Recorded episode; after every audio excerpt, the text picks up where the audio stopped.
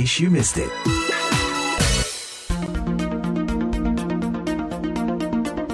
VOA This Morning, in case you missed it, Kepolisian Indonesia sedang mendapat sorotan pasca kasus penembakan pekan lalu di antara dua anggotanya. Pada peringatan Hari Bayangkara yang jatuh pada 1 Juli, tetapi tahun ini diperingati pada 5 Juli, Presiden Joko Widodo menyampaikan apresiasi dan penghargaannya atas kerja keras Polri dalam melayani rakyat. Kali ini kita berbincang dengan atas polisi KBRI di Washington DC, Brigjen Octavianus Martin, dan Direktur Eksekutif Lembaga Kajian Strategis Kepolisian Indonesia, LEMKAPI, Dr. Edi Hasibuan seputar situasi kepolisian. Saya mulai dengan Pak Octavianus dulu barangkali ya. Apa yang disampaikan Presiden Jokowi dalam peringatan Hari Bayangkara? Apakah ada yang bisa menjadi perhatian masyarakat?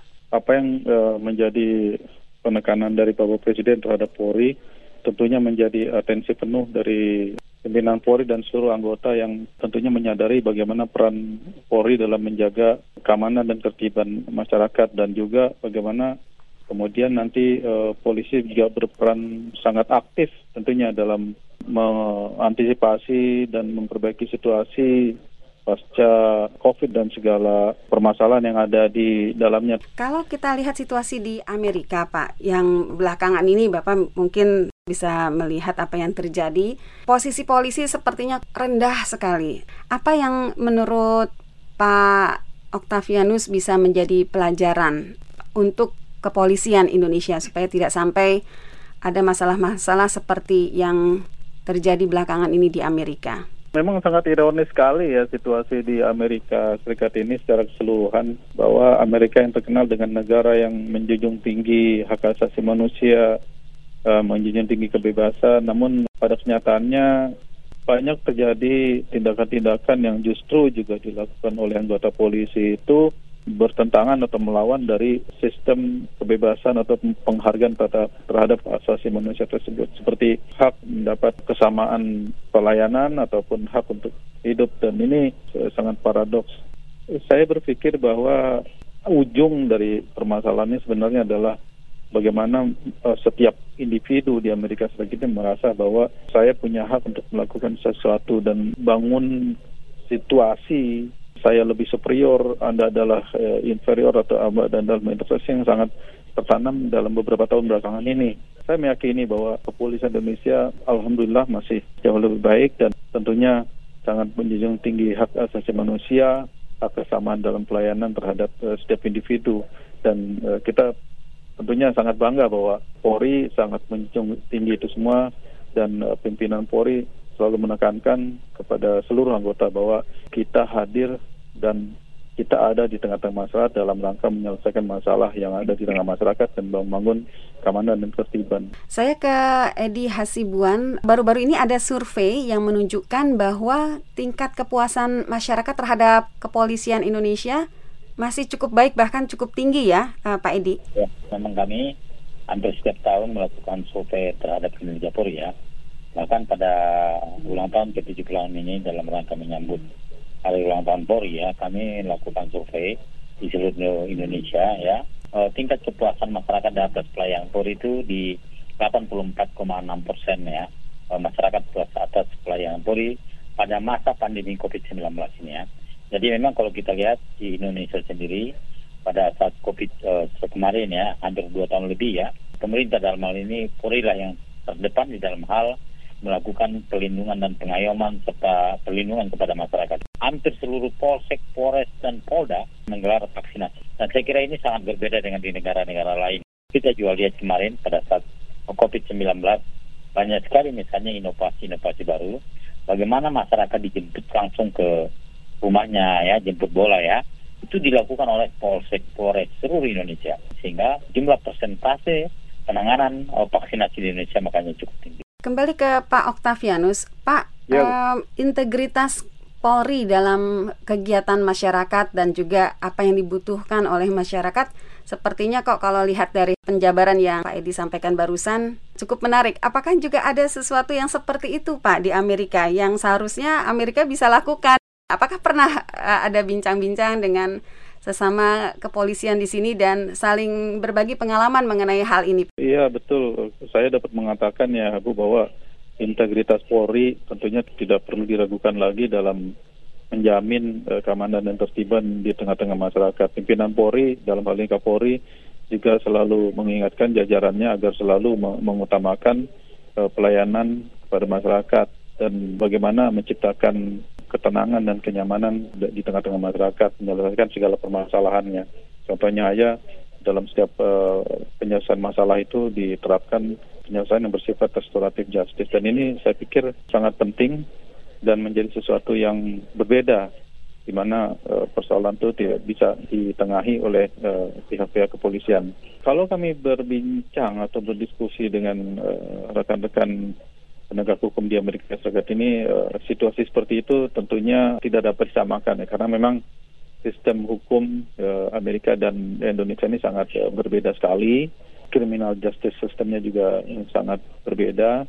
Ada memang peranan dari polisi penegak hukum khususnya polisi di Amerika Serikat ini dalam memastikan pelayanan terhadap masyarakat dalam menerima dan uh, mau sukarela untuk melaksanakan vaksin ini. Namun situasi yang tergambarkan oleh anggota Polri di Indonesia ini dapat dikatakan signifikan sekali perbedaannya. Di mana kalau anggota Polri dan uh, bersama-sama dengan jajaran TNI-nya turun langsung dalam memastikan bahwa masyarakat itu menerima vaksin atau mematuhi anjuran pemerintah kalau di, di wilayah Amerika Serikat ini uh, hal seperti itu uh, tidak sangat terlihat. Tentunya pesan dari uh, Bapak Presiden Jokowi dalam Bayangkara kemarin itu menjadi pemacu dan pemicu semangat bagi kami yang Polri untuk lebih dapat memastikan bahwa masyarakat uh, dapat terbebas dari ancaman lanjutan dari wabah pandemi COVID ini.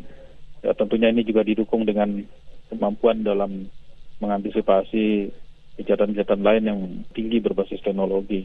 Sementara di Amerika itu justru peran polisi seperti dilecehkan, bahkan sempat ada usulan atau dengan marah ya mereka menyatakan sebaiknya bubarkan aja kepolisian. uh, iya, iya, iya. Tetapi kemudian uh, para pemimpin mengingatkan bahwa kepolisian tetap perlu ada. Jadi yang perlu dilakukan adalah katanya mengurangi anggaran.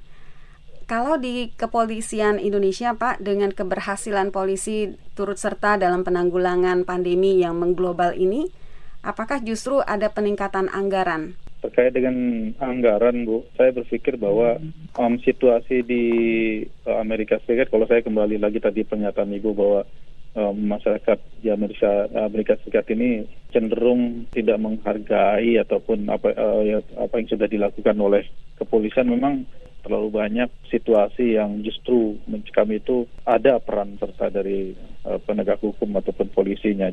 Nah, terkait dengan peningkatan anggaran, uh, kami tentunya sebagai uh, anggota Polri dan ini secara secara spesifik ini mungkin wilayahnya dari Serena, jadi namun kami mencoba memberikan pandangan kami sendiri bahwa apa yang menjadi ketetapan atau ketentuan dari pemerintah untuk mendukung program yang diterapkan untuk keamanan, kesehatan, dan kenyamanan masyarakat tentunya Polri akan selalu mendukung dan tidak akan terpaku dengan kekurangan atau uh, keterbatasan anggaran. Jadi kami selalu mendukung program yang dijalankan oleh pemerintah. Kalau demikian besar peran polisi dalam masyarakat dan itu kan di luar dari job description-nya polisi, apakah ya. sekarang ini anggaran untuk mereka sudah cukup atau perlu ditambah kalau melihat pengalaman eh, dari pandemi ini? Ya, sebetulnya memang kalau kita lihat ya, memang COVID bukanlah menjadi tugas Polri, tapi karena memang di Indonesia yang paling cepat di dalam hal merespon berbagai hal ya, Polri ya selalu terdepan. Itulah mungkin ciri khasnya Indonesia, walaupun misalnya keterbatasan anggaran, tetapi juga saya kira masih memikirkan bagaimana caranya bisa memberikan perlindungan kepada masyarakat dengan cepat.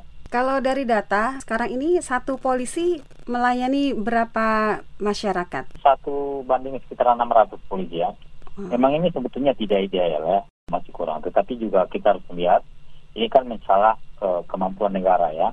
Anggaran negara di dalam hal untuk operasional kepolisian. Ya. Kita tahu memang anggaran Polri cukup besar, terbesar ketiga, sekitar 110 triliun ya anggaran Polri setiap tahunnya. Dan 75 persen itu digunakan untuk gaji pegawai anggota Polri seluruh Indonesia. Di luar anggaran, Pak Edi, apa yang hmm. bisa dilakukan pemerintah untuk memperbaiki kepolisian Indonesia ini? Tentunya memang meningkatkan profesionalisme ya. Bagaimanapun juga memang profesionalisme itu sangat penting ya. Dan kemudian mentalnya juga saya kira demikian ya.